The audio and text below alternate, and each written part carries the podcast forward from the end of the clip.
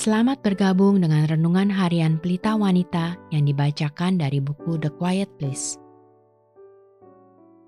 Pembacaan Alkitab hari ini diambil dari Roma 12 ayat 1 sampai 8. Karena itu saudara-saudara, demi kemurahan Allah, aku menasihatkan kamu, supaya kamu mempersembahkan tubuhmu sebagai persembahan yang hidup, yang kudus, dan yang berkenan kepada Allah itu adalah ibadahmu yang sejati. Janganlah kamu menjadi serupa dengan dunia ini, tetapi berubahlah oleh pembaharuan budimu, sehingga kamu dapat membedakan manakah kehendak Allah. Apa yang baik, yang berkenan kepada Allah, dan yang sempurna. Berdasarkan kasih karunia yang dianugerahkan kepadaku, aku berkata kepada setiap orang di antara kamu, janganlah kamu memikirkan hal-hal yang lebih tinggi daripada yang patut kamu pikirkan. Tetapi, hendaklah kamu berpikir begitu rupa sehingga kamu menguasai diri menurut ukuran iman yang dikaruniakan Allah kepada kamu masing-masing. Sebab sama seperti pada satu tubuh, kita mempunyai banyak anggota. Tetapi tidak semua anggota itu mempunyai tugas yang sama. Demikian juga kita, walaupun banyak, adalah satu tubuh di dalam Kristus, tetapi kita masing-masing adalah anggota yang seorang terhadap yang lain. Demikianlah kita mempunyai karunia yang berlain-lainan menurut kasih karunia yang dianugerahkan kepada kita. Jika karunia itu adalah untuk bernubuat, baiklah kita melakukannya sesuai dengan iman kita. Jika karunia untuk melayani, baiklah kita melayani jika karunia untuk mengajar, baiklah kita mengajar. Jika karunia untuk menasihati, baiklah kita menasihati. Siapa yang membagi-bagikan sesuatu, hendaklah ia melakukannya dengan hati yang ikhlas. Siapa yang memberi pimpinan, hendaklah ia melakukannya dengan rajin. Siapa yang menunjukkan kemurahan, hendaklah ia melakukannya dengan sukacita.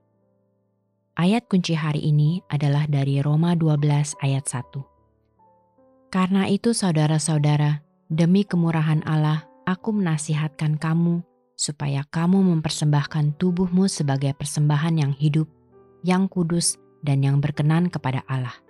Itu adalah ibadahmu yang sejati. Persembahan dalam segala ukuran.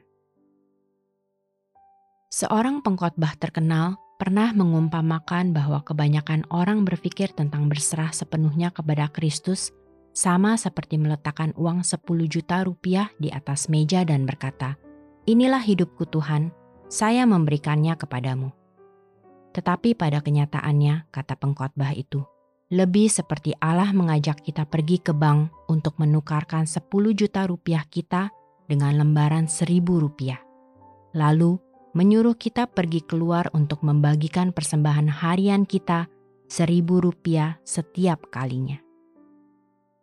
Allah mungkin meminta Anda untuk mengorbankan 30 menit ke depan untuk menelpon ibu mertua Anda yang sudah menjanda yang sering kali bisa sangat negatif. Atau untuk memberikan waktu Sabtu sore Anda membantu tetangga mengemas barang-barang milik mereka untuk pindahan atau juga untuk meluangkan tiga malam di minggu ini untuk membantu tugas sekolah anak Anda. Seribu rupiah di sini, lima ribu rupiah di sana. Ada kalanya persembahan-persembahan itu mungkin lebih besar, seperti menggantikan liburan mahal atau pengeluaran besar untuk perjalanan misi atau donasi gereja.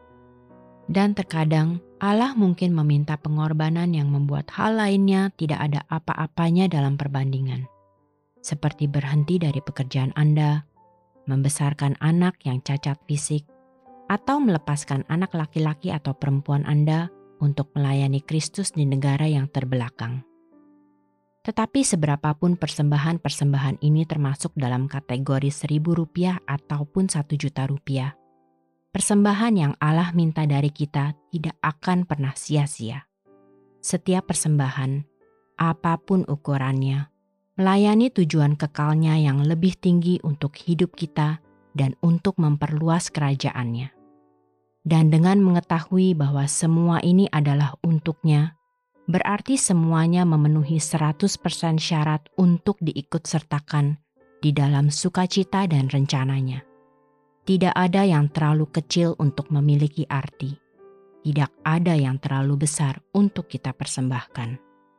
Sebagai penutup, mari kita renungkan pertanyaan ini.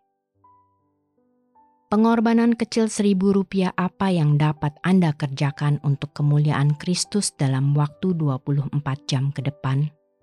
Apakah ada pengorbanan yang lebih besar yang dia sedang memanggil Anda untuk dikerjakan?